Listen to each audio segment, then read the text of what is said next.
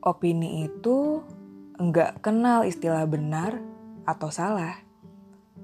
Setiap orang berhak untuk beropini. Sebuah opini menjadi bukti nyata jika pemikiran manusia itu unik dan kehidupan dapat dilihat dari berbagai macam sisi.